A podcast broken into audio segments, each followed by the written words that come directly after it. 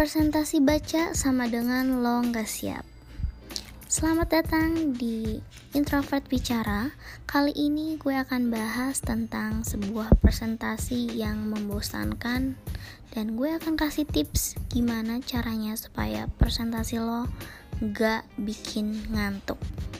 Saat kuliah, presentasi bukan hal yang jarang kita lakuin Hampir tiap pertemuan kita harus siap bawain materi mata kuliah. Siap nggak siap, mau nggak mau, kita dituntut harus bisa. Yang jadi masalah nggak semua orang bisa ngomong di depan banyak orang. Tapi yang lebih parahnya lagi, udah nggak biasa ngomong depan orang, tambah lagi lo nggak prepare sama sekali. Aduh, fix lo nggak serius kuliah. Ada tiga hal yang bikin lo terlihat siap saat presentasi. Yang pertama, suka atau nggak suka, lo harus tetap baca materi yang mau lo sampaikan. Baca berulang-ulang sampai lo ketemu sama poin penting yang mau lo sampaikan.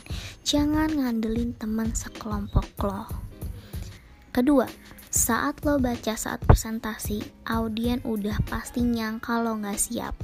Lo cuma baca tiap slide, mata lo terus-terusan ke layar dan tips dari gue, lo latihan dalam kamar. Tulis poin pentingnya aja di PowerPoint, abis itu lo jelasin pakai bahasa yang mudah orang paham. Dengan begitu audiens akan lebih dengerin lo dan merasa lo siap dan tahu apa yang mau lo omongin. Dan yang terakhir, jangan takut salah. Gue tahu banget banyak orang yang malu saat presentasi karena takut salah ngomong. Well, menurut gue nggak apa-apa. Saat lo salah artinya lo belajar. Dan next time akan lebih baik lagi. Jelasin aja sebisa mungkin. Be confident.